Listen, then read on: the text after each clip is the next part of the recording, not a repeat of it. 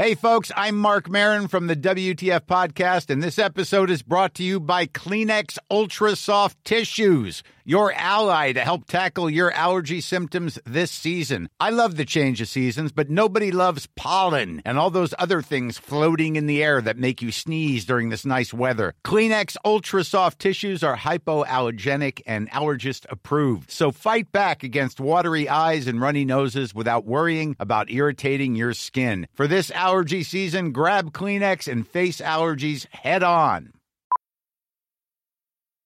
Millions of people have lost weight with personalized plans from Noom, like Evan, who can't stand salads and still lost 50 pounds. Salads, generally, for most people, are the easy button, right? For me, that wasn't an option. I never really was a salad guy. That's just not who I am. But Noom worked for me. Get your personalized plan today at Noom.com. Real Noom user compensated to provide their story. In four weeks, the typical Noom user can expect to lose one to two pounds per week. Individual results may vary. Cool fact a crocodile can't stick out its tongue. Also, you can get health insurance for a month or just under a year in some states. United Healthcare short term insurance plans, underwritten by Golden Rule Insurance Company, offer flexible, budget friendly coverage for you. Learn more at uh1.com.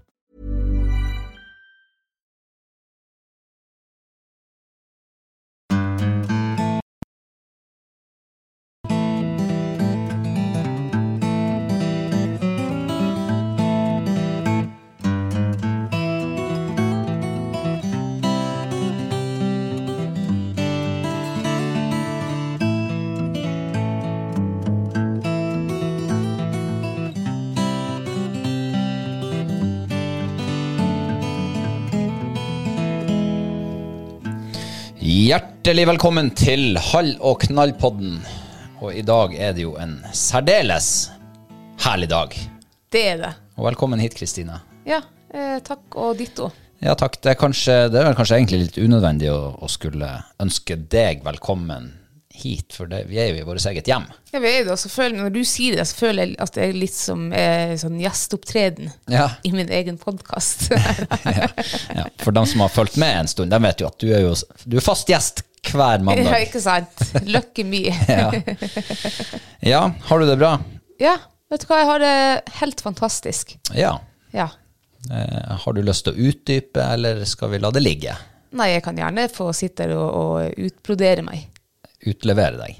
Utbrodere. Utbrodere, ja. Ja. Men eh, vil du spørre om jeg har det bra? Har du det bra, kjære? Jeg har det knallbra. Har du det, ja? Det har vært en god dag, Ja. og dagen er jo langt ifra over ennå. Det er sant. Ja. Uh, hvorfor? Nei, det var en veldig bra dag på jobb. jeg har vært på gamle trakter i dag, der vi bodde før. Ja, Mm. så jeg fikk snap. Jeg ble, liksom, jeg ble glad inni i hjertet mitt når jeg fikk snap av gamlehuset. Ja. Jeg savner jo plassen litt, det må jeg jo ærlig innrømme. Vi snakker om Lyngen, Ja. Alpekommunen.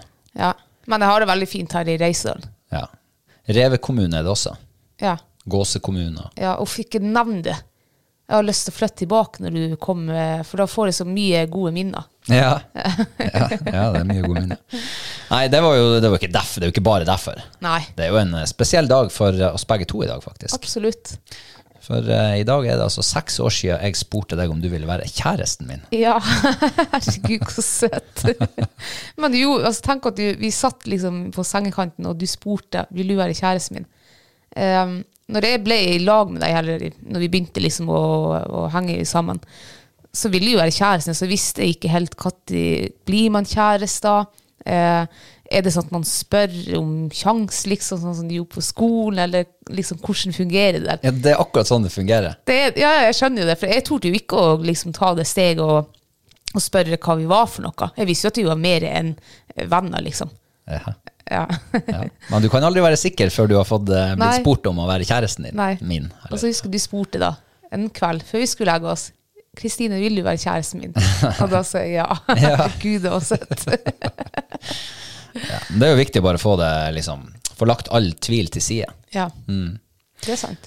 Men uh, hvordan er det? Hvordan er det å være kjæreste med meg? Du, eh, det er altså helt fantastisk. Å, Eh, bare det? nei, jeg var ikke ferdig nå. Liksom, jeg tenkte det var en fin inngang til det jeg skulle si. Ja, ok, jeg bare Eh, tilbake. nå har jo ikke jeg skrevet noe tale, eller noe sånt, så jeg, jeg, jeg prater jo bare fra hjertet. Ja. Eh, Du tar det som detter ned i hodet på deg. ja, før jeg møtte deg, så hadde jeg ikke liksom møtt min store kjærlighet. Jeg trodde jo kanskje det, men ikke i nærheten. Og før jeg møtte deg, så tenkte jeg kjæreste, det hadde vært fint å ha en å dele livet med, og liksom, ja, jakte han eller fiske han, så er jo det flott og fint. Og så fant jeg meg faen med en som både er ikke bare jakt og fiske, men han er lidenskapelig jeger, fisker, eh, hundemann, naturmenneske. Og så er han kosen, omsorgsfull, eh, rørt. Altså, Rørt. rørt, altså du blir rørt av ting og sånn, du viser følelser da. Ja, sånn, ja. God og snill og sexy og god eh, eh, Doji doji. Jeg visste ikke om jeg fikk lov å si det. Altså, the whole package. Det er liksom det du bare ser i de mest romantiske filmene. Eh, altså, jeg føler meg utrolig privilegert og verdens heldigste jente som får lov å liksom være kjæresten din. Og alle de liksom opplevelsene i det i lag. De beste opplevelsene, det har jeg lag med deg. Hvis jeg tenker liksom på en opplevelse Nei, Unnskyld meg, de, de, eneste opplevelsene du har, har du jo med meg. Nei, jeg har, jeg har jo opplevelser uten deg. Ja, det er alene. Ja, det er alene.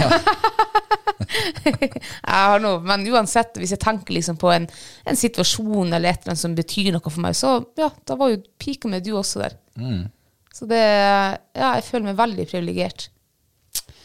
Ja, takk for det. Ja. Hvordan syns du det er å være kjæresten min, da? Eh, jo, det er jo helt, Helt greit. Helt strålende. Ja. Ok pluss. jeg er ikke så flink å male sånne der rosenrøde bilder, men eh, det er jo faktisk eh, Jeg har jo, jeg har jo sånn, jeg har prøvd litt av hvert. Ja. Ja, og eh, det er jo en grunn til at vi kan feire seksårs, seksårsjubileum i dag. ja. Det er det virkelig. For du har jo virkelig tilført noe til livet mitt som, eh, som eh, er verdifullt. Og jeg må jo arrestere det litt. Mm. For du sa at jeg var hundemann. Nei, altså, etter hvert ble du. Ja, etter hvert. Ja. Ja. Eh, For jeg var jo ikke hundemann da vi møttes. Nei, du var jo ikke det. Så du ser hva eh, en bra dame kan gjøre med en, med en mann. Ja. Ja, Man kan begynne med nye ting. få, få opp øynene for ting som man har tenkt at nei, det der, det er ikke noe for meg. Nei. Nei, nei jeg er enig med deg. Det er mye bra, å, um, mye bra med deg som jeg liker. Og um, du snakker om liksom hva man kan begynne å gjøre nye ting. Jeg, eh, du har jo virkelig liksom eh, vist meg eh, en ting da som, som overhodet ikke jeg var liksom interessert i før jeg møtte deg. Og nå jeg, så jeg føler jeg lidenskapelig til det. da. Og det er nemlig fluefiske. Da tenker jeg på enhåndsstang. Ja, etter ørret, etter røya. Um, ja, altså, jeg brydde meg ikke om det før. Jeg gikk med slukstanga. Og det fanga jo fisk ut av faen. Det var dritartig. Og det den fluestanga enhånds, jeg husker når du begynte å skulle lære med det, det tenkte du på, det der var jo altså, helt hold i hodet. Hvem i faen er det som står der oppe med en tau liksom med ei lita flue på enden og kaster det? Og, det gikk jo ikke an å kaste heller. Nei, helt umulig det. Ja, og så kom det vind, og hva, hva faen gjør du da? Ja. Da er fiskedagen over, liksom. Akkurat. Så jeg tenkte nei, det der skal jeg aldri begynne med. Nå er liksom det eneste jeg bryr meg om på sommeren. Altså, Slukstanga er jo ikke med meg mer. Den er øh, Altså, jeg blir jo nesten Altså, jeg, jeg, jeg sier ikke at slukstangfiske er galt, for jeg har gjort det hele mitt liv, men jeg blir nesten sånn her flau når jeg hiver den i sekken, hvis jeg hiver den i sekken med meg, da. Over meg sjøl, da. Ja. Ikke flau, altså det ble galt, men sånn Det blir feil, da, på en måte. Eh, så det er veldig takknemlig for at du har vist meg den flue, fluefiskinga. Og det betyr veldig masse for meg nå. Jeg har jo sagt eh, ved flere anledninger før, og, i forskjellige selskap, at eh, jeg var jo eh, fluefisker på min hals. Det var det livet bestod av, i stort, stort sett. Eh, og fluefiskesesongen her oppe er jo rimelig sparsom. Den varer ja. fra i beste fall i Ja, jeg kan jo si fra april, sånn smått, men vanligvis fra mai Ja. til ja, ut august. Etter, etter det og før det så er det tregt. Ja. Ehm, så det er klart, jeg levde ni måneder i et uh, bekmørke. Jeg var deprimert. Jeg hadde ingenting å finne på gjennom hele vinterhalvåret. Nei. Jeg var riktignok med han Daniel på tur og jakta et par-tre ryper om høsten, Ja. men uh, det var ikke noe mer. Nei. Og så møter jeg deg, og så har du bare slått opp låvedøren til en uh, verden som ikke består av det der bekmørket i ni måneder. Ja. Men det er ikke helt sant det du sier, da, for du drev på med toppski. Topptur eh, før jeg møtte deg. Ja, men den kolliderer i stor grad med sjøørretfiskesesongen. Ja. Ja, for det aller beste toppturtida her oppe, det er jo i april og mai. ja, det er sant, Og da er jo sjøørretfisket i gang. ja. Så, eh, men eh, ja, du har visst meg at det er mye man kan fylle livet med, som er helt herlig å holde på med. ja. Og så, ja, ikke bare det. Nei, og så må jeg liksom Jeg føler nå var det min, min ball. Eh, hav. Havet. Sjøen, båt. Det var jo jeg heller overhodet ikke interessert i. Jeg har aldri vært på sjøen før, før jeg møtte deg. Jeg har stadig i fjæra som jentunge som kasta med, med stanga til småsei. Så det er liksom også en sånn her eh, En ny ting, liksom, som jeg har eh, Som jeg, ja, som jeg setter ganske stor pris på. Jeg vil ikke si lidenskapelig havfisker, men det er utrolig artig. I hvert fall hvis det liksom er fisk, og se på ekkolodd og fisk og kjenne. Og, så eh, ja, du har vist meg eh, nye metoder og ja, nye aktiviteter. Ja, det er jo det som er så fint, syns nå jeg, med å liksom ha en kjæreste som, eh, som har de samme hobbyene Ja. som, som deg sjøl. Da får man, eh, man utvikle det man allerede kan fra før av, og så får man lære seg litt nye ting. Og var jo, det var jo støkkjakt stort sett på rype før i tida, for min del. Nå er det med hund, og jeg har fått hund inn i livet mitt som er blitt en, en stor del av livet. Eh, og det var jo noe som var helt utenkelig for eh, syv-åtte år siden. Så eh, nei, jeg, jeg syns det er egentlig veldig stas. Jeg syns det er stas å, å liksom leve sammen med deg, Ja. hvis det går an til å si. For jeg syns det gir så mye. Og så eh, har man jo, når man holder på sånn som vi gjør, så er jo fryseren full Ja. ofte. Og da må man jo spise litt. ja. Og det der med matlaging, det har virkelig liksom Det føler jeg vi i lag har liksom tatt et steg videre. Det, man setter pris på å stå i lag på kjøkkenet og lage mat. Eh, det var jo noe som jeg ikke var vant med. Nei, ikke heller. Det var, jeg jakta jo mye før jeg møtte deg, og, og skjøt litt fugl og sånn, men det, var, det ga meg ingenting å stå der alene på kjøkkenet liksom, og, og lage mat meg sjøl. Så jeg var ikke opptatt av mat i den forstand før jeg møtte deg. Så det er jo det også når eh, Det er liksom ikke bare jakt og fiske som vi trives i lag med, men jeg føler at når vi ikke liksom er på jakt eller fisk, eller noe, så er vi liksom bestevenn, og vi, vi finner på andre ting, og vi har det artig, og vi lager mat, og vi koser oss. og det er, liksom, det er aldri en kjedelig dag med deg. Kan jeg være helt ærlig med deg? Ja, Du har hatt litt flaks også. ok. Ja. For um, den viktigste grunnen til at jeg fortsatt kan være sammen med deg, Ja. det er jo at vi kan fære på fotballtur til England i lag. Tenk hvis du hadde vært svoren Manchester United-fan. Ja, tenk, og det er enda en ting. Når jeg møtte deg, så var jo liksom Jeg, jeg ikke, jeg heide ikke på noe fotballag da. Jeg var mer fotballjente enn jeg var når jeg spilte fotball sjøl liksom, i, i barndommen og tenårene. Og da var det jo United som var mitt lag. Det var liksom, det var det jeg var blitt vokst opp med. Så det er også en ting faktisk at jeg er kjempeglad for at jeg møtte deg, for du fikk meg på bedre tanker. Jeg fikk lov å bli glad i det laget jeg egentlig liksom ble født til å bli glad i, eh, som er Liverpool. Så det, det takker jeg deg stort for, altså. Jeg føler at vi nærmer oss et punkt hvor vi faktisk kommer til å dra til Bodø på fotballtur også i lag. Ja, eh, du har jo vært Bodø-gutt. Eh, Jeg syns jo eh, norsk fotball er drita kjedelig. Så tvang du meg jo her for noen uker siden å se på kampen mellom Roma og Bodø. Og jeg må jo si at det ga jo litt mersmak. Det var jo, det var jo artig å se at, ja, at liksom nordlendingene knuste eh, storbyen. Italiano. Ja, Ja. Det var jo faktisk litt rått. Og de spilte jo god fotball. Jeg trodde ikke vi i Norge kunne spille sånn der. Nei, litt unorsk.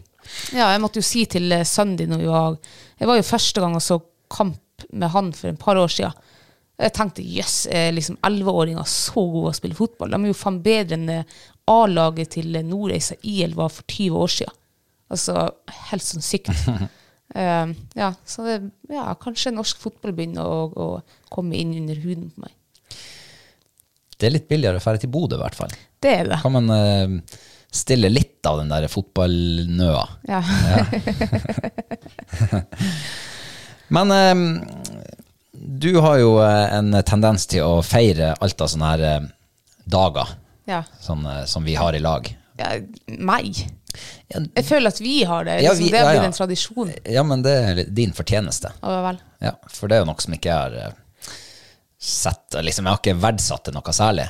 Oh. Før du begynte å feire Valentine's Day og eh, ja, hva mer er det? Det er så mye sånne dager. Jeg husker ikke alt. Det går litt i ball for meg. Nå har vi så mange dager. Ja. Ja. Nå har vi jo fått oss forlovelsesdag. Ja. Og den må jeg jo huske på. Og, og ja.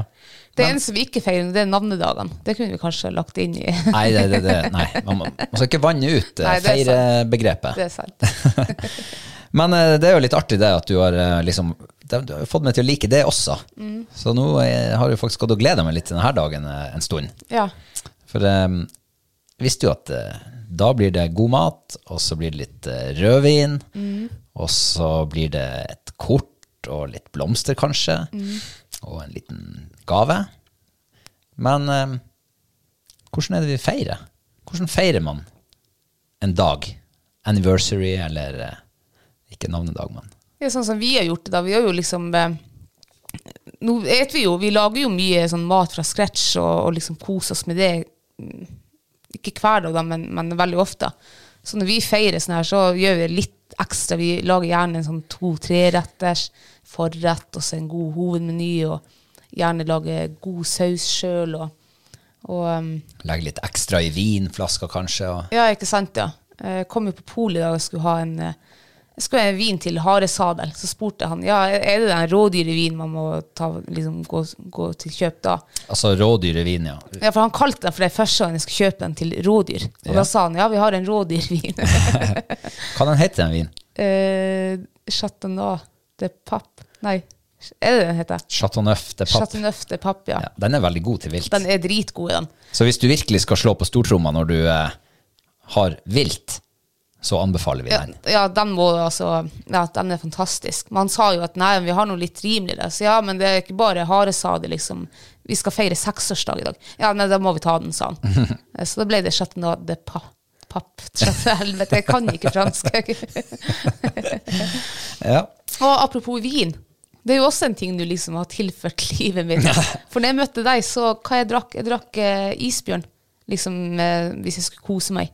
Det var that's it. Vin, det uh, Klarte ikke det. Så jeg husker, jeg husker fortsatt den eh, datekvelden vi skulle ha. Du, du kom hjem med en tre-fire rødvinsflasker. Det var liksom alt fra eh, ja, det billigste du fant, og til det dyreste nesten du fant i butikkhyllen. Du tenkte vel nå skal jeg lære meg å like god rødvin. Og um, ja, jaggu lærte du meg det. Og jeg likte jo selvfølgelig den dyreste. Du gikk rett for Amarone, ja. Ja. Men nå har du utvida repertoaret litt. Ja, nå, er det, altså, nå, nå syns jeg rødvin er, er godt. Ja. Altså, det har jo mange slått med at du må jo ha hatt et fryktelig trist og grått liv eh, før vi ble kjærester. For du spiste Du levde på knekkebrød med, med hvitost og litt majones oppå, og eh, øl og kaffe. Ja, og altså, jeg, jeg drakk ikke så mye øl heller, da. Jeg, jeg, vet, jeg vet hva jeg spiste da på en dag. Eller det liksom som var veldig ofte. Det var knekkebrød, som du sa, med ost, skinke og majones. Middag var det gjerne opphøgde poteter med pølse og ost og dressing. Oh. Det var altså Det var, Gud forby, altså. det var fem, fem dager i uka, det, altså. Ja. Det var så godt. Du har spist dine pølser. Nei. Jeg kunne gjerne tenkt meg å liksom lage det en gang i måneden men eh, ja. Ja. Da må du uppe det til å eh, lage både pølsen og eh, pommes fritesen sjøl. Ja, det kunne man gjort, faktisk. Det er jo en oppskrift da på pølse i kokeboka deres. Ja. Den har vi, har vi jo til gode å prøve ennå. ja, absolutt. Så den står vel på bucketlista, da. Mm. Men uh, tilbake til feiringa. Hvordan feirer vi en uh, gjennomsnittlig seksårsdag? Ja, vi feirer den med en I dag blir det to retters. Um, det blir haresadel. Skutt i går. Mm. Veldig kortreist og Veldig fersk. kortreist, ja. Med masse deilige urter på. Eh, lage saus ifra eh, ja, restene til hare, da, hvis man kaller det for rester. Og det blir rotgrønnsaker, det blir eh, sellerirotchips. Eh, forrett så skal vi prøve oss på gulrotsuppa. Det har vi jo aldri smakt før. Aldri. Så det blir veldig spennende. Jeg er ikke noen suppemann. Jeg kan godt være litt suppegjøk av og til, men suppe, sånn suppeelskere har ikke jeg tradisjon for å være. Nei. Så det blir litt spennende. Så jeg håper at du kan bli, for jeg, jeg, jeg liker jo suppe. Ja, men det er jo ikke mat, det er jo bare vann.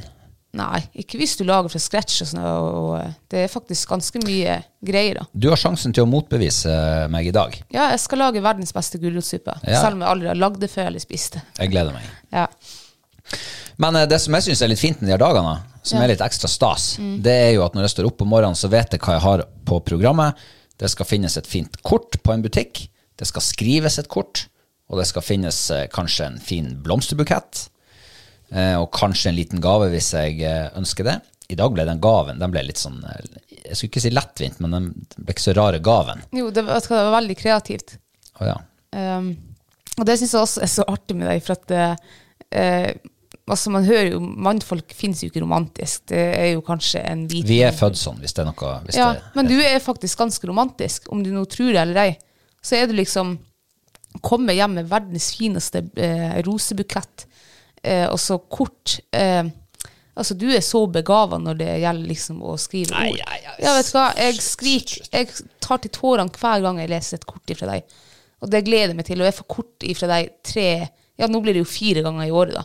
Og jeg gleder meg alle de fire gangene når vi feirer og jeg får kort hos deg. For det er så fint og rørende. Så du er så Ja. du Men det var nå den gaven jeg skulle fortelle om, da. Ja. For um, det ble jo veldig enkelt i år. Det ble en eh, pastilleske med kyssepastiller. ja. Og da tenkte jeg at uh, for- Syns du har dårlig det, eller? Nei, nei. Nei. Men jeg, jeg tenkte at uh, vi må kysse litt mer. Ja. Så hver gang du tar en kyssepastill, så blir det kyssing. Ok. Ja. Da, da blir den da tom i løpet av kvelden. Vi må spare litt på den. Ja, men jeg har jo lyst til å muse på deg. Ja, men det kan du, ja, men du, du kan bruke den når du kjenner at nå er det litt lenge siden sist. Ja, ok, Så da tar du hintet, da. For det er du litt dårlig til. Jeg er veldig dårlig til hint, men uh, vi menn er det også. Vi er, litt, vi er dårlige på veldig mange ting. Men vet du hva, jeg tror det, altså, for det vi menn er sånn og sånn, og dårlig, og ikke romantisk, og dårlig på ditt og dårlig på datt. Jeg tror ikke på deg. Jeg tror dere kan være akkurat like bra som oss kvinnfolk på sånne ting. Dere har det i dere. Nja, jeg vet ikke om vi har akkurat det i oss, men vi kan jo lære oss litt, da. Ja. Så dere må ta litt tak i oss og liksom riste oss litt eh, inn i den der retninga der. Ja, ja, forme dere. Forme Jeg oss, syns ja. jeg har formet deg ganske bra på de her seks årene. Ja. ja, du får jo tida mi stort sett for deg sjøl. um, men du, uh, nå har vi operert i lag i en eh, seks-syv år. Seks år som kjærester og syv år som bekjente. Ja. Ja. Har du noe, et beste jaktminne fra den tida? Oi. Beste jaktminne. Det er så mange. Eh, og, og, det, og når du spør meg om det, så tenker jeg på det der første din opplevelse, liksom, for det betydde veldig mye for meg. Det første jeg tenker på nå, det er den lokkereven liksom, som du skjøt. Det var så artig. Eh, for det hadde du aldri gjort før. Det var første gang liksom du Ja. Um, din første tiur, det var magisk. Den skjøt du for yndlingshund også. Um, jeg vet ikke, det er så mange Jeg vet ikke, jeg må, jeg må tygge litt på den. Har du noen? Hmm. Jeg skulle til å si at det her kom litt brått på meg. For eh, Nei, jeg syns også det er litt vanskelig å liksom skulle trekke fram en episode. Ja. Et av de, det, det, det blir så mange etter hvert. Mange minner i banken. Og eh, vi har jo snakka om det før, at det er jo ofte de der det som ikke blir helt perfekt, liksom, som man husker. Mm. At det blir et, eh, på en måte et slags godt minne. Eh, Men eh, jeg har jo opplevd eh, min første gang med så veldig mange ting i lag med deg. Eh, og jeg husker den første lokkereven jeg skjøt, ja, som jeg lokka inn sjøl. Det var jo helt eh, ultimat der og da. Det var det råeste jeg hadde opplevd. Eh, men revejakt generelt, eh, sånn, det har du introdusert meg for. Ufattelig spennende. Ja. Dritkul jaktform. Både med hund og med lokkefløyte. Mm. sånn, eh, sånn åtejakt, det- vet ikke om jeg har eh, Det blir ikke jakt på den måten. Nei. Men når du jakter på reven, ja, det er dritkult. Um, men eh, ja, herregud. Andejakt. Å, herregud, det er så rått. Og det er jo også noe som jeg aldri har gjort. Jo, jeg har gjort det én gang før jeg møtte deg. Ja. Men det ble ikke en rå opplevelse. Det ble mer en sånn ekkel opplevelse pga. skadeskyting og greier. Ja. Eh, så nei, jeg hadde jo litt sånn begrensa erfaring med veldig mange av de jakttingene. Mm. men, men eh, jeg syns du har vært veldig flink å liksom innlemme meg i jaktverden. Den store jaktverden. For det er jo så mye mer enn bare rypejakt. Ja. Ja, har du fått tygd litt? Jeg kom på en eh, faktisk nå. Eh, da må vi helt tilbake for syv år siden, når vi var på den bekjentskap eh, eh, Ja. Eh, da, jeg tror det var en av de første rypejaktene du var med meg på. Um, jeg husker vi gikk innover liksom drømmetrenget, og, og du sa noe at ja, du, du var jo rypejeger, og du skjøt noen, noen ryper liksom for, for høst, så dere fikk julemiddag og sånn her. Eller førjulsmiddag. Og den dagen der, eh, jeg tror vi fylte kvoter og vel så det. Eh, det var altså så mye fugl, og jeg husker at det, det var som å gå der med en guttunge. Eh, det var sikkert en, første gang du hadde jakta sånn skikkelig med hund, og fått masse stand og sjanser. og Den turen husker jeg veldig godt. Jeg husker også, Det var første gang jeg kjente liksom litt sånn der forelskelse, eller sånn at du, føl, at du da følte noe mer for meg enn eh, enn bare vennskap. da, For jeg husker jeg hadde så helvetes vondt i foten den dagen. eh, hadde hagl under sel. og du var liksom sånn den omsorgsfulle og liksom uff, nei, jeg ser det ikke går bra, Kristine, og vi setter oss litt ned. Har du mat? Jeg, brukte, jeg spiste jo ikke før, det med, før i den tida da. Jeg hadde jo aldri med meg lunsj eller noe.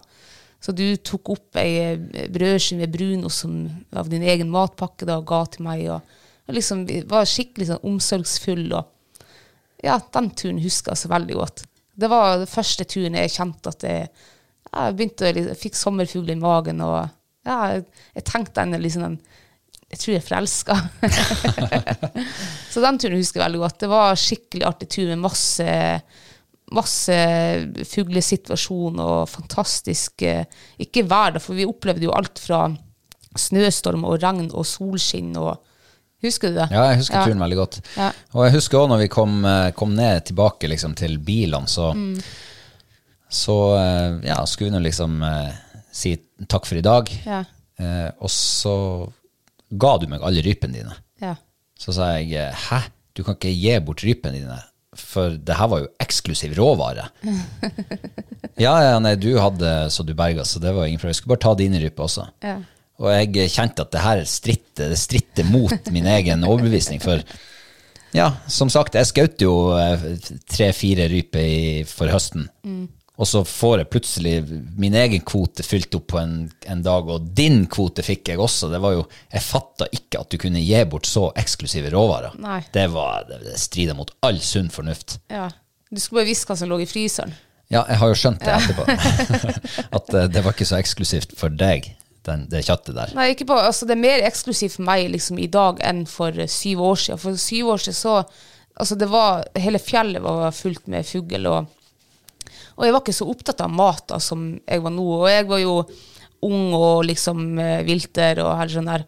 Så jeg for ut, og jeg skjøt kvota mi. Og, og jeg kunne selge rype, og, liksom, og så kunne jeg ha noen til meg sjøl. Men det var, ikke, det var ikke det samme å skulle begynne å ja, lage middag til seg sjøl. Og du har jo en familie også som egentlig ikke setter pris på det. Um, så var liksom Ja. Så da var det mer, liksom, da var det mer stas for meg å kunne liksom imponere deg litt, og så gi liksom min fangst til deg. Kanskje, Ja, det var, kanskje jeg fikk noen stjerner i boka der. Å ja da, det fikk du. Eh, Men jeg syns òg du var steike gal. Men eh, har du noe fiskeminne å trekke fram? Fiskeminner uh, Du er jo blitt innlemma i den, eh, den eh, overklassefisket som heter fluefiske. Ja. Eh, kom, altså det kom mange minner inn i hodet mitt nå når du spør meg. En av dem det var min første sjøørretfangst. Den veide Jeg tror den veide 1,9, tror jeg den var. Eh, jeg tror faktisk jeg fikk den på samme plass som du hadde fått en av dine første sjøørreter. Stemmer det? Ja. Og dæven hvor jeg sleit den, den våren med liksom å, å kaste. Og jeg husker du og Daniel sto liksom på hver min side og liksom fikk hver deres sjøørret, og, og det vaka rett ut for meg. Men jeg klarte liksom akkurat ikke å kaste dit. Jeg klarte bare å kaste liksom tolv meter i nybegynnerfasen min. Jeg ble så frustrert, jeg hadde bare lyst til å skrike. og Og liksom, jeg kjente, og, og for hver fisk dere dro opp, jo mer liksom lei meg ble jeg. Eh, Jeg unner dere selvfølgelig det, men jeg, på en måte så unner dere ikke det, for jeg unner meg sjøl liksom å å få kjenne på den gleden. Og så plutselig, en kveld, der smalt det på, altså. Og det var, altså, det var så artig. Og det var den følelsen av å lykkes og liksom endelig uh, Ja, den, uh, den kommer jeg aldri til å glemme. Det var ikke den største altså 1,9 kilo er jo ikke noe småfisk, det er det jo ikke. Uh, men der og da så var liksom hele den opplevelsen der. Jeg så fisken komme inn etter liksom flua, og bare høgg til, og tilslaget alt var perfekt. Og, og det var jo mye kraft i den fisken der. Nei, det var Og jeg husker du kom rennende, du elta stang og alt som heter fiske, kunne liksom være, for det var liksom Og du feirer der, husker med meg, og du var jo, du var jo sikkert mer vill enn det jeg var av min første liksom, kjøre på flua. Så det var, den kommer alle til å glemme. Det var en veldig artig og spesiell opplevelse. Ja. Jeg har en eh, som kommer til med nå, en, en, eh, et minne fra eh, ja, nyere tid. Å, Eh, fjor sommer, kanskje. ja. Og vi hadde gått langt og lenger enn langt for å kubbe storøye. Og jeg hadde lova det storøye. Ja. Og så var det jo Værgudene var ikke på våre sider, for å si det pent. Det blåste gammel-Erik alle dagene vi var der oppe og fiska. Og det eneste ønsket mitt som sto i hodet mitt, det var at du måtte få på en røye. Det var det eneste som betydde noe for meg. Å, Og altså, vi sleit virkelig den turen der. det gjorde vi, ja. Det blåste kuling hver eneste dag. Stiv kuling. Eh, og eh, jeg, det- jeg, jeg så liksom at eh, alle lovnadene mine og det rann ut i sand, og jeg tenkte at hit kommer vi aldri tilbake igjen. Men i tolvte time, helt på tampen, liksom rett før vi skal lage oss lunsj og, og pakke leiren og gå ned, så bærer det på en stor røye hos deg ja. og du fikk virkelig kjenne på røyedraget. Det er vanvittige lokomotivet som bare dundrer av gårde ut i, ut i vannet. ja. Da var det liksom Skuldrene mine sank ned fra over ørene og ned på plass, og jeg kjente sånn her indre glede sånn, som kommer ifra sjela. At du endelig fikk det. Du fikk kjenne på det som jeg hadde snakka om i så mange år.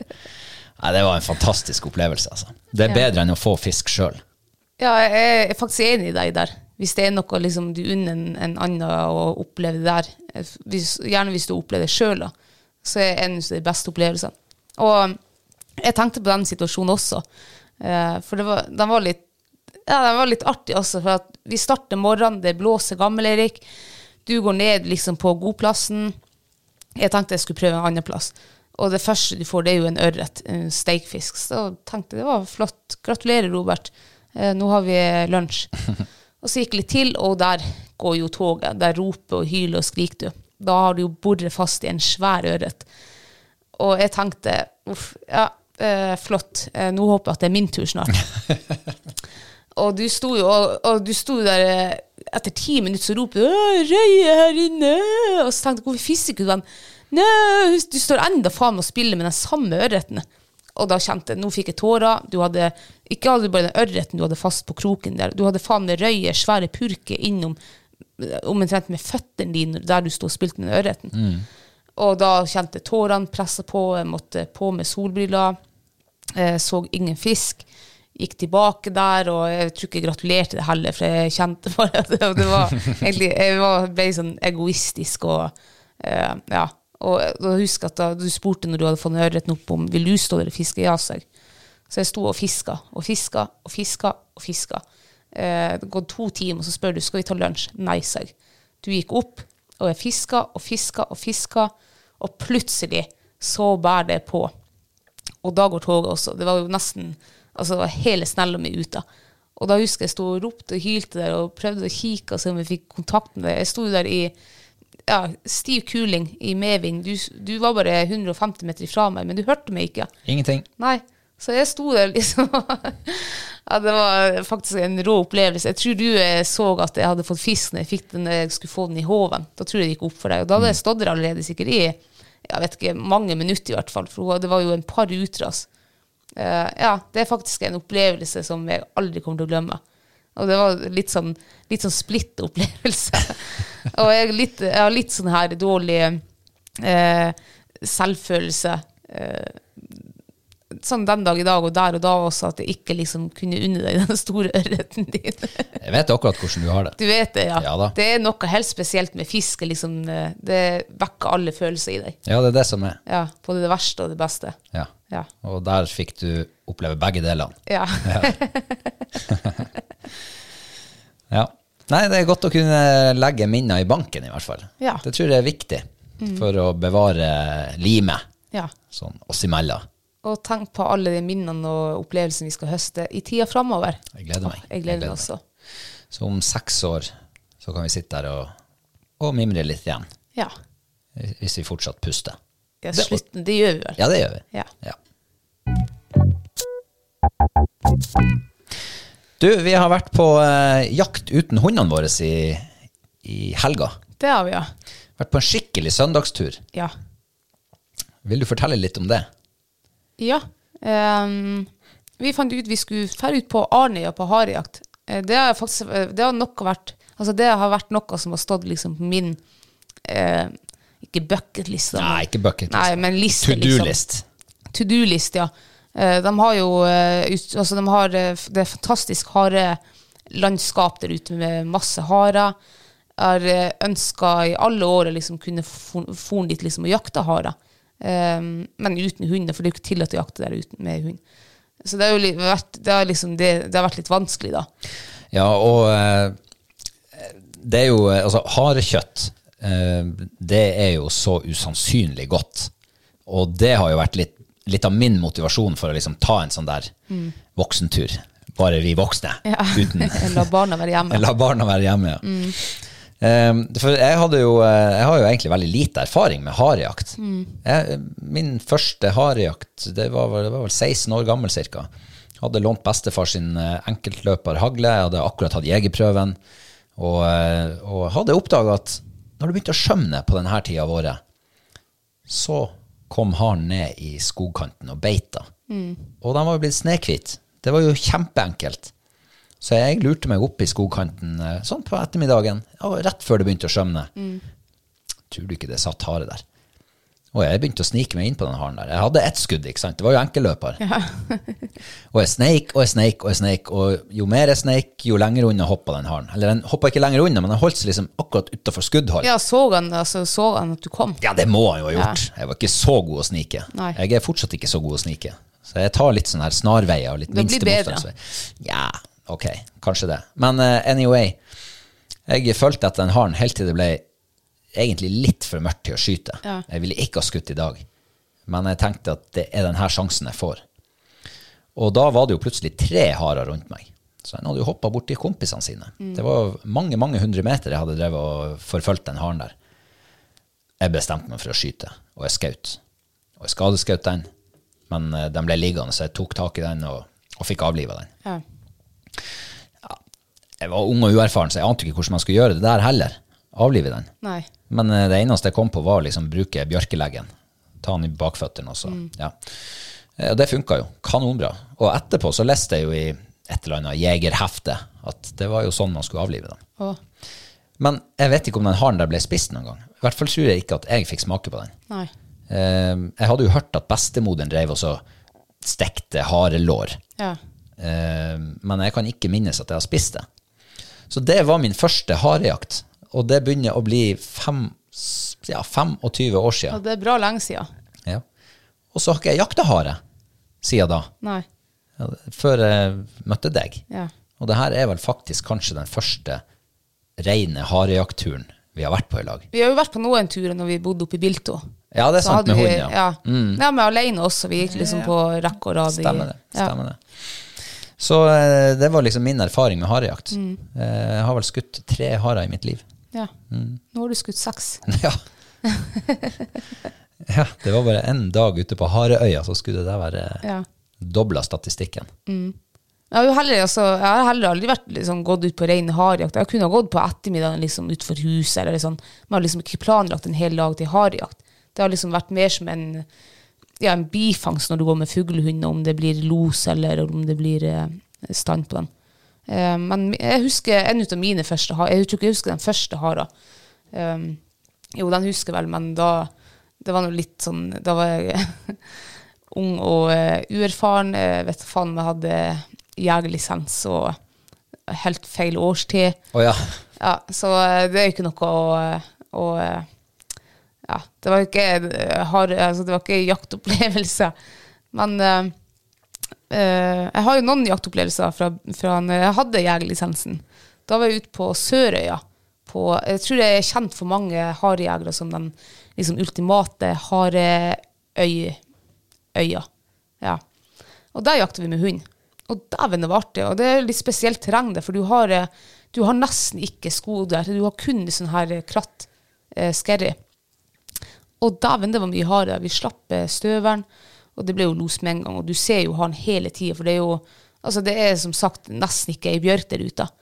Og det var utrolig artig. De turer som faen der. Og, og eh, jeg fikk oppleve at støven støvelen tok en voksen hare liksom, Han tok en voksen hare i uttaket, for de trykker så mye. ja. Eh, så, og de, den turen der, liksom, ut på den øya der, det ga mersmak til, eh, til harejakt. Um, jeg hadde jo Fight, og Fight var vel ett år gammel da. Og hun hadde jo en, sin første harelos der, men da skjøt jeg ikke hare for henne. Jeg lot det gå et år. Men eh, ja, men det var liksom Det, det var der eh, hare eh, for min del begynte, da.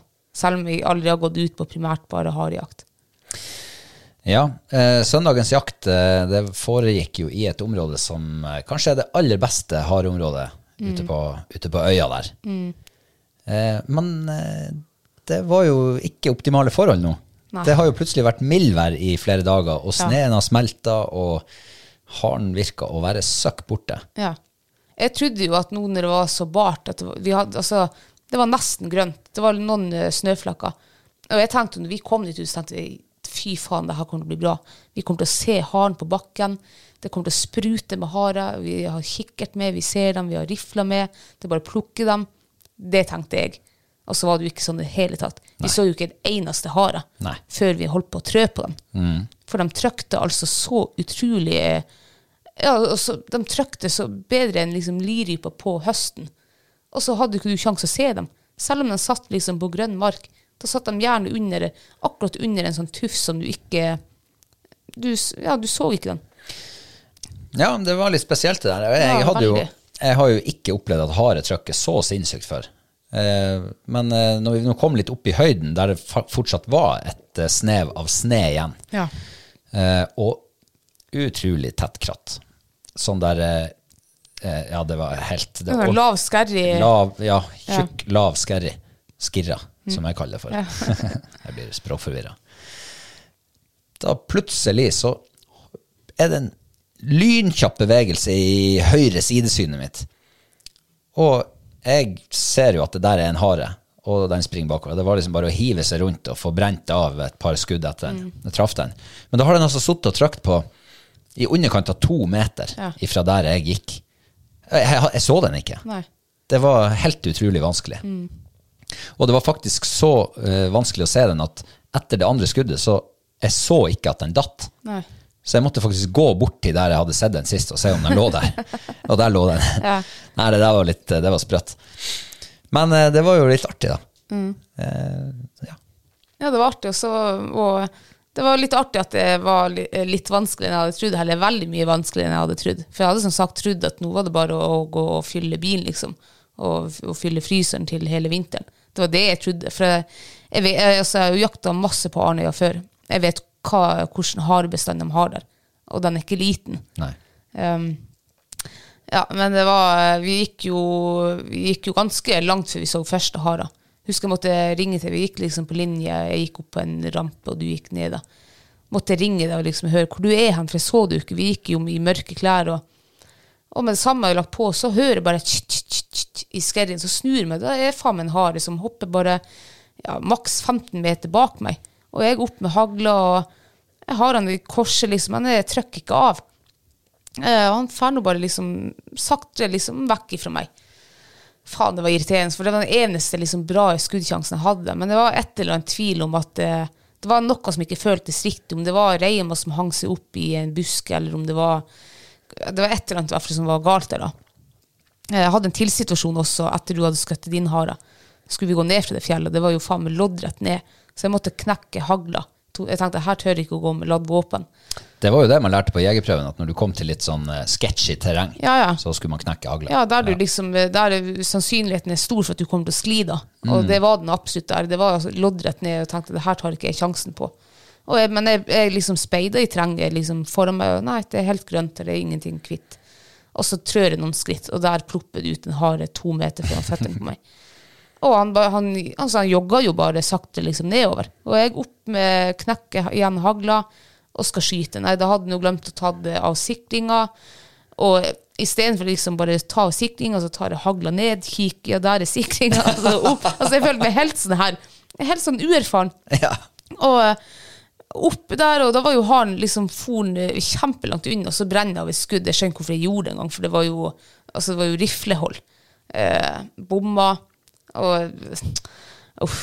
Jo, men eh, altså, å gå på støkkjakt når du ikke er vant med det, det er, det er litt sånn eget fag, det der, nesten. Du, du, du må være, komme inn i en annen modus. Du må liksom gå og være skuddklar hele tida. Ja. Eh, og jeg kjente jo det i, eh, mot slutten av dagen i går, at eh, bicepsene mine, de, de brann. Eh, for da hadde det gått en hel dag liksom eh, skuddklar Ja. hele tida. Ja. For det, du kan ikke hive hagla på skuldra. Da er jo haren borte. Ja, ja, det går fått, ikke. Mm. eh, fått tenkt deg om. Så eh, ja, det blir litt annet. Det, er faktisk eh, Når jeg tenker, tenker over det, så er det faktisk veldig behagelig å gå og jakte med hund. Fordi at du kommer i en helt annen modus. Du kan gå og på en måte slappe litt mer av. Mm. Ja. Nyte terrenget, nyte ja, samarbeid med hund, Mm. eller eventuelt manglende samarbeid. Da nyter du ikke så mye, da, men. Men når du skal på støkkjakt altså, Jeg kan tenke meg at det er som å altså, Du må være på hele tida. Ja, vet du hva, jeg har ikke tenkt på det før du sier det nå. Um, for støkkjakt nå, altså jeg, er vokst, jeg begynte å jakte, jeg hadde min første fugl når jeg begynte å jakte, så jeg har bestandig liksom jakta med hund. Om det nå er rev eller fugl eller hare eller Ja, kanskje det har noe med det, da, støkkjakten. For at jeg, jeg følte at jeg eh, Ja, jeg var veldig uvant, var det da. Eh, men jeg tror også det var mye uflaks. Eh, I hvert fall den situasjonen der jeg måtte knekke hagla. og eh, ja. Uh, ja, nei, jeg vet ikke. Jeg, faen, altså. Men det var artig, var det. Uh, vi så noen hare. Eh, du fikk fangst. Vi, fikk, vi har noen måltider. Eh, ene hare skal vi lage i dag. Ja, og det var det jeg tenkte når vi for dit, at nå skal vi dit og få oss noen hare i fryseren, for det er så godt kjøtt. Mm. Det er dritgodt, jeg, jeg syns at harekjøtt er noe med det aller beste Ja. viltkjøttet som finnes. Jeg støtter deg. Ja. Eh, men sånn eh, hindsight, etterpåklokskap, Mm. eller eh, etterpåopplevelse, så det var, litt, det var litt spennende jaktform. Jeg Mm. må si det. Jeg hadde ikke trodd det skulle være såpass spennende. Så du, du går der, liksom, du, du trør i sånn her eh, gammelur, eh, urat terreng, Mm. og du vet at det kan sitte hare bak enhver stein. Ja. Eh, Så jeg, jeg kjente på det virkelig når jeg gikk eh, den siste økta vi hadde, der hvor vi delte oss, gikk hver sin retning. Eh, Og jeg hadde gått liksom 20 meter fra bilen, så hopper den første haren ut. Ja. Og liksom Ja, og Altså, det var jo helt sprøtt. Helt sprøtt. Vi sto enda utfor bilen der og, og prata, og så sa vi bare ja, lykke til, og så trør du noen skritt, og så bare pang. Eh, ja. Og så går det 100 meter til bort i terrenget, så er det ny hare. Ja. Og da tenkte jeg, herregud, er det mulig at det- spruter hare her? Ja. Men da var det ikke mer. Men jeg gikk Nei. og var så sinnssykt på alerten resten av den timen der. Ja. Eh, og kom inn i det perfekte hareterrenget. Masse sånn halvstore steiner med Mm. Ja. mose og vegetasjon rundt. Og du tenker at bak den steinen kan jeg sitte. Bak den steinen kan jeg sitte. Jeg må gå litt på kryss og tvers her for å liksom komme meg innom alle de steinene. Mm. Eh, det var, og det var litt sånn adrenalinpumping i perioder der. ja, det var det. Og jeg tenkte at jo lenger jeg gikk og det ikke var hare, jo, jo nærmere jeg å treffe på den neste haren. Mm. Jeg traff ikke på flere. Nei. Jeg hørte, vi delte oss, jeg hørte jo andre skudd, og tenkte da, da fikk han en til hare. Da. Og da hadde jeg gått kanskje 150 meter fra bilen i luftlinja. Så jeg tenkte jo også herregud, nå er det bare å spisse øyne og ører og, og opp med løpet, for at her kommer det til å sprute hare. Jeg så ikke en eneste hare på den turen, men dæven hvor mye spor og skit jeg så.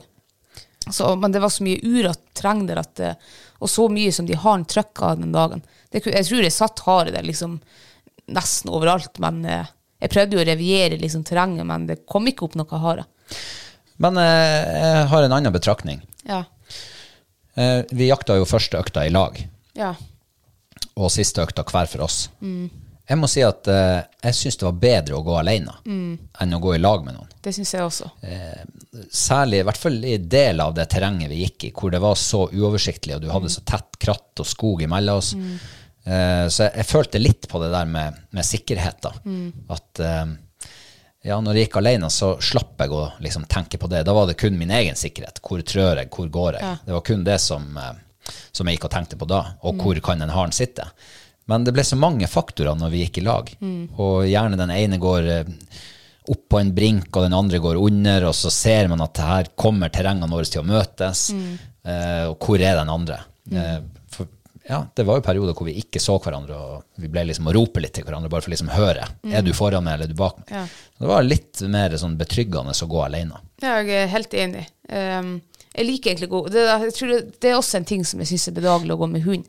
For da går du med eh, våpenet uladd på ryggen, liksom. Og, så, og når hunden står, så putter de skuddene inn når du nærmer deg. Så jeg følte også litt på den der, eh, Og det kan godt hende det var en faktor eh, når den haren som ble støkt fra der du var, kom opp til meg da jeg valgte å ikke skyte. For kanskje var en, Selv om det var jo ikke din retning i det hele tatt, men, men kanskje var en sånn underbevissthet som sa at det her at det var litt uvant. da. Jeg følte meg kanskje ikke helt trygg, eller at det var, heller det var et eller annet som var Ja, da er det jo egentlig riktig å holde igjen skuddet. Ja. Men eh, jeg, jeg tok meg i å gå og tenke hele tida når vi gikk i lag, at hvor er du nå? Hvor kan jeg skyte? Hvor kan jeg ikke skyte? Sånn at jeg, det kverner hele tida i bakhodet mitt. Nå kan jeg skyte i den retninga, jeg kan ikke skyte dit, jeg kan ikke skyte dit. Eh, så når den haren spratt opp og sprang bakover, så visste, og den sprang liksom bakover eh, fra meg, liksom. eller- bort fra deg. Ja. Sånn at da, jeg visste bare instinktivt at dit kan jeg skyte, Mm. for du er jo der nede, og ja. Så det var Men jeg, skjønner at det kan komme snikende en sånn, en sånn liten tvil. Ja. Og det er egentlig nok til å ikke skyte. Ja, og, vi- og det jeg også tok meg, det var at når vi hadde gått liksom eh, ganske lenge med meg på venstre side og du på høyre, så var, hadde liksom gått og preppa, okay, da kan jeg skyte skrått til høyre, da. Nei, til venstre. Og så bytta vi plutselig når vi skulle gå videre inn, og så kryssa vi hverandre. Og da tenkte og da, plutselig bare Å, faen, nå kan jeg ikke skyte det til venstre, nå, liksom, nå er det skrått til høyre. Det, altså, det, det var egentlig ikke så ja, det var ikke så veldig trivelig jeg synes, å gå to i lag på sånn her eh, støkkjakt på harer. Um, vi pratet med en på ferga som sa at jo flere, jo bedre liksom, hvis du går på linja, men jeg vet ikke om jeg hadde følt meg trygg på sånn.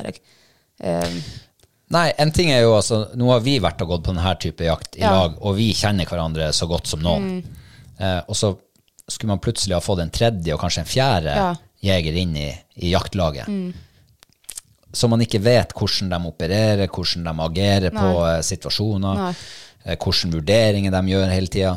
Eh, så jeg hadde nok eh, følt meg litt sånn, om ikke utrygg direkte, så i hvert fall litt sånn reservert. jeg tror jeg følte meg u... Det var en ting når hun går to i lag, og som du sier du kjenner. For da visste jeg ok, da, hvis du går på min høyre, så kan jeg skyte hele venstre side. Det er helt trygt.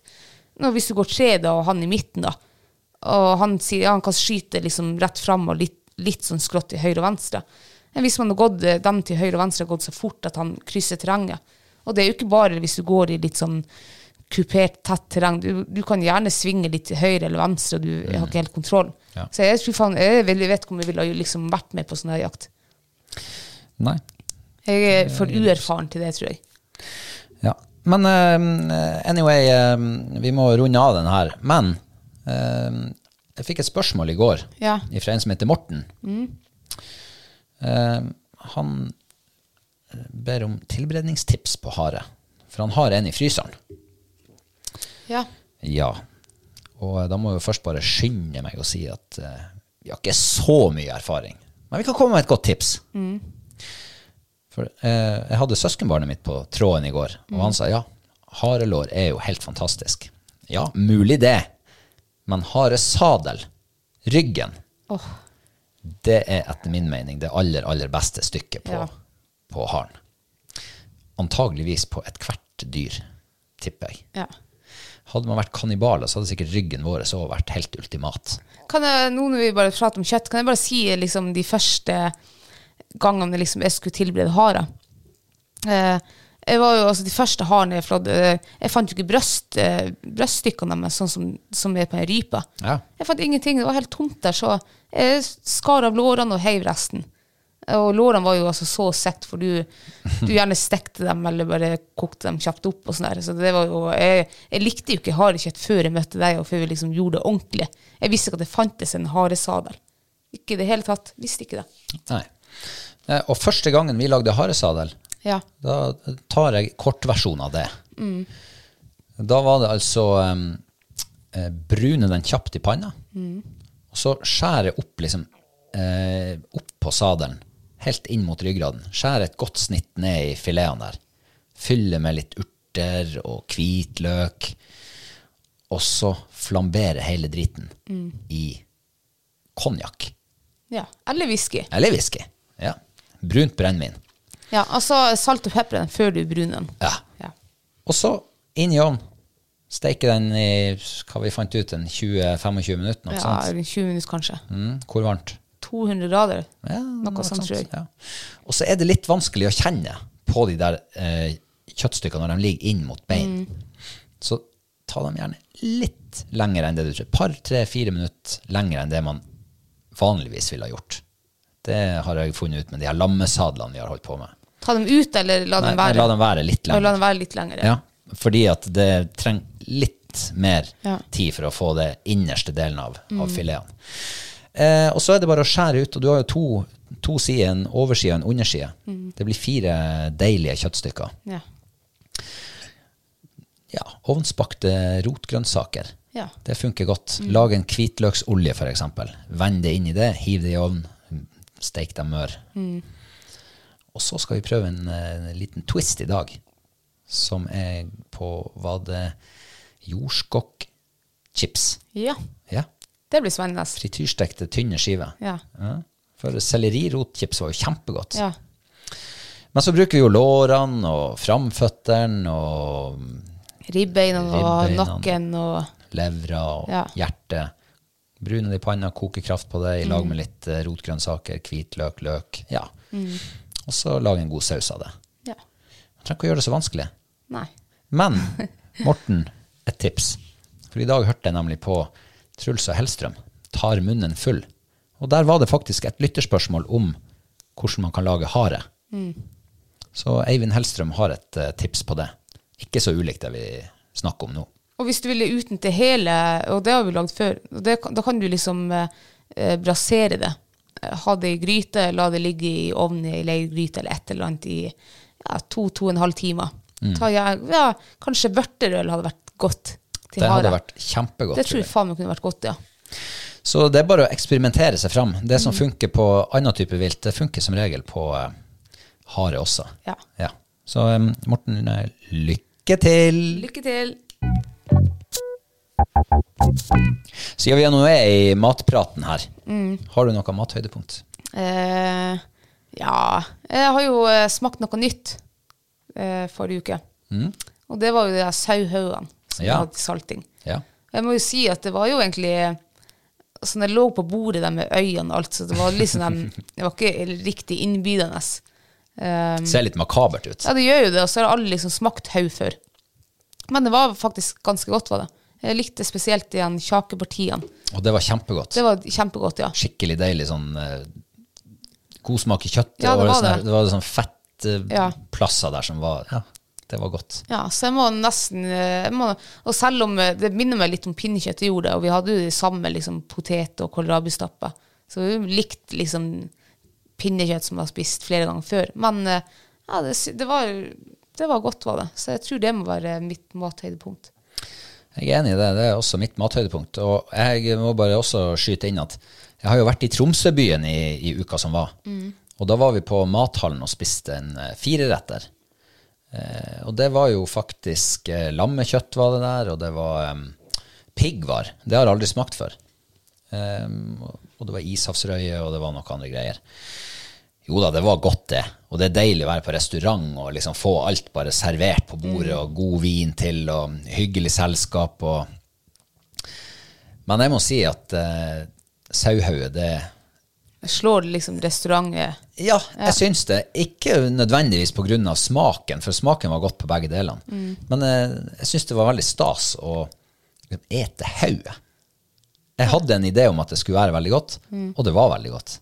Og så tror jeg også litt den der opplevelsen Du har fått vært med på nesten alt forutenom slakte, liksom. Slakte det. Ja. Så har vi liksom fått haugene vi har sjøl liksom klyvd dem og, og flådd dem og salta dem og mm. laga mat av dem. Ja. Eh, og så var jeg og henta fem nye sauhau i dag. Ja. Så um, ja, vi kan jo øve oss litt utover på det der. se, se om vi finner noe, um, noe gull ja. i Kanskje det blir julemiddagen nå til jul. Kanskje det. Bytte ut pinnekjøttet. Vi har fått en ny Patreon siden sist, Oi. og da er det på sin plass å, um, å ønske han velkommen. Ja. Vær så god. Og det er han Henning Kind Lett. Jeg vet ikke om jeg uttalte, uttalte det rett. Jeg er liksom på engelsken Henning Kind Lett. Ja, ja. Men det er vel Kind Lett. Eh, det, Eh, ja. det er etternavn jeg har aldri hørt før. Nei. Jeg eh, var i militæret sammen med en som heter Hestekinn. Å, Eh, men jeg vet jo ikke om de er fra samme plass. nei. Men det er vel det nærmeste Kind jeg har hørt. Men Kind, er det en plass i Norge, eller? Vet ikke. Nei. Jeg vet ikke om lett heller er det. Nei. Men eh, hvor, hva du tror om han Henning? Jeg tror at han er fra Det ser kaldt ut der, det er mye snø, og så er det furu, granskog. Jeg ser det noen granbusker der i bakgrunnen på bildet hans som er veldig sånn her Litt sånn smalt, liksom, sånn som vi ikke har her nordpå.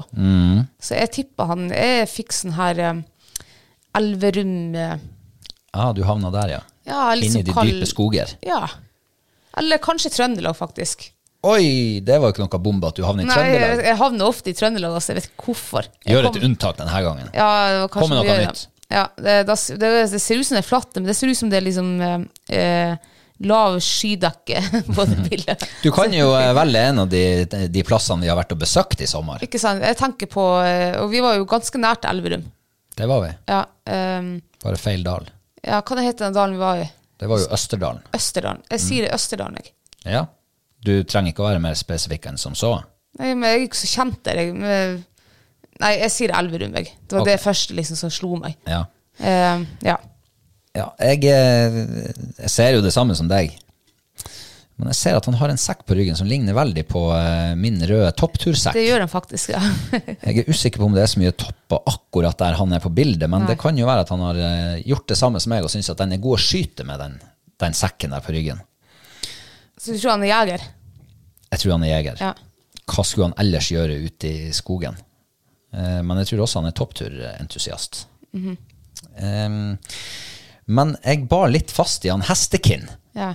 Eh, og hvor han var ifra. Han prata veldig bredt. Eh, han må ha vært oppi oppe i en dal en eller annen plass. Brumunddal. Nei, mer sånn Valdres-område, tipper jeg. Mm. Men jeg er usikker på om de har så mye sånn barskog der. Du har jo vært i Ja, jeg lurer på om de hadde det liksom litt lenger ned i terrenget. Og så har de jo høyfjeller. Ja. Har de store, åpne sletter? Myre? Å nei. Valdres var, hun mener hun husker var ganske sånn smalt og trangt. Ja, men jeg tipper at han er fra Valdres, og så er kanskje han har vært på en liten eh, toppturjakt. Eh, topptur? Toppjakt. En Altså med ski, toppjakt. Toppjakt med ski, ja. Med ski, ja. Ja. For jeg tenkte på storfugl, topp, toppjakt, ja. liksom. Ja, ja, det, det, det er akkurat det jeg mener. Å ja, det er du tenker på, ja. Så jeg tipper at Henning er fra Valdres. ja. Og eh, hjertelig velkommen til oss, eh, Henning. Ja, det setter vi eh, kjempestor pris på. Det gjør vi. Eh, og litt senere i uka, eller i løpet av uka, så trekker vi de to eh, reinskinnene som vi har hatt på eh, tapetet. Ja, i hvert fall så trekker vi to, en vinner av de to reinskinnene. Ja, det gjør vi. Ja. Og nå tipper jeg vel at vi nærmer oss tida hvor de ikke har rein inni seg mer. Nei, nå tror jeg de er utafor rein og henger til tørk eller noe. På en spikra på en vegg. Ja. Er en fjøsvegg, eller noe sånt. Eh, så det, blir vi jo, det offentliggjør vi når vi har fått unnagjort det. Ja. Eh, og så har vi jo eh, funnet ut at eh, vi, vi skal ha oss et eh, nytt mål i lag med dere alle sammen. Ehm, så hvis, hvis, hvis vi skulle være så heldige å nå 100 patrions, så skal vi eh, trekke ut en eh, nydelig sjøørretstang. Ja. Fluestang. Det er en uh, LTS Salt. Den har jo du sjøl. ja. Er ikke det en deilig stang? Ja, vet du hva, altså, jeg, når jeg starta med sjøfiske, så begynte jeg med Explosive. Og det var en fantastisk stang. Jeg, jeg kunne aldri liksom ha bytta den. Og så knakk den i må være fjor, helt på tampen i fjor av sesongen. Og så begynte jeg med Salt. Å herregud, jeg kommer aldri til å gå bort fra Salt. altså, så fantastisk stang å kaste med. Og den tror også en nybegynner også vil liksom eh, håndtere, klare å håndtere. Og, ja, skikkelig deilig stang. Ja. Og um, da, da skal vi jo ikke bare trekke ut stanga, for da, du kommer ikke så langt med bare en Nei. stang. Du må jo ha snelle og snøre også med. du må ha snelle og snøre. Så da blir det komplett oppsett. Ja. Klart for sjøørretfiske. Eh, Eller annen fiske, selvfølgelig. Ja, ja. Det er jo det du måtte ønske. Det er jo en eh, tror- Hvilken klasse var det? Klasse seks. Ja, Det er jo en veldig allround-stang. I hvert fall på litt tyngre enn innlandsfiske etter skyørret, f.eks. Eh, du har jo stått attmed søstera di med en klasse Ja. Nei, klasse syv-stang. Ja, ja. Hun skremte vekk hele vannet. Altså. Ikke sant. Ja. Så den egnes ikke så godt til det, men til sitt bruk. Langs kysten, tåler mye vind, ja da, fin å kaste med, Mm. godt. godt. Så, um, så den ligger der.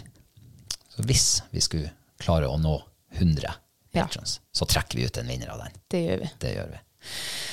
Yes, eh, min kjære Nå kan ikke jeg si turteldue mer. Nei.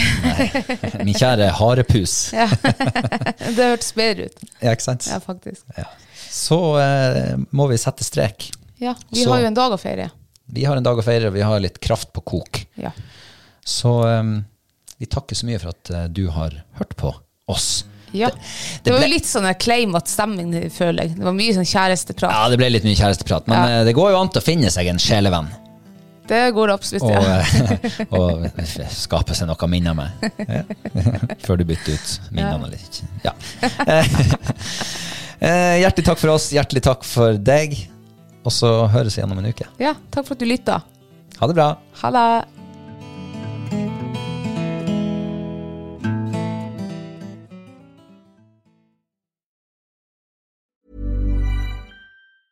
Hi, I'm Daniel, founder of Pretty Litter. Did you know cats tend to hide symptoms of sickness and pain? I learned this the hard way after losing my cat, Gingy. So I created Pretty Litter, a health monitoring litter that helps detect early signs of illness by changing colors, saving you money and potentially your cat's life. Pretty Litter is veterinarian developed, and it's the easiest way to keep tabs on your fur baby's health right at home. Go to prettylitter.com and use code ACAST for 20% off your first order and a free cat toy. Terms and conditions apply. See site for details.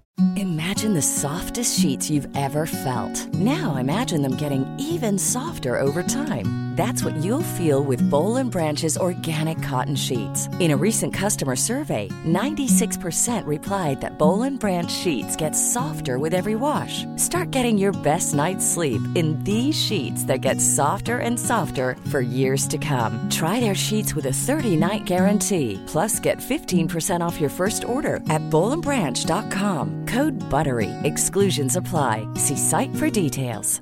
Even when we're on a budget, we still deserve nice things. Quince is a place to scoop up stunning high-end goods for 50 to 80% less than similar brands. They have buttery soft cashmere sweaters starting at $50, luxurious Italian leather bags, and so much more. Plus, Quince only works with factories that use safe, ethical, and responsible manufacturing. Get the high-end goods you'll love without the high price tag with Quince. Go to quince.com slash style for free shipping and 365-day returns.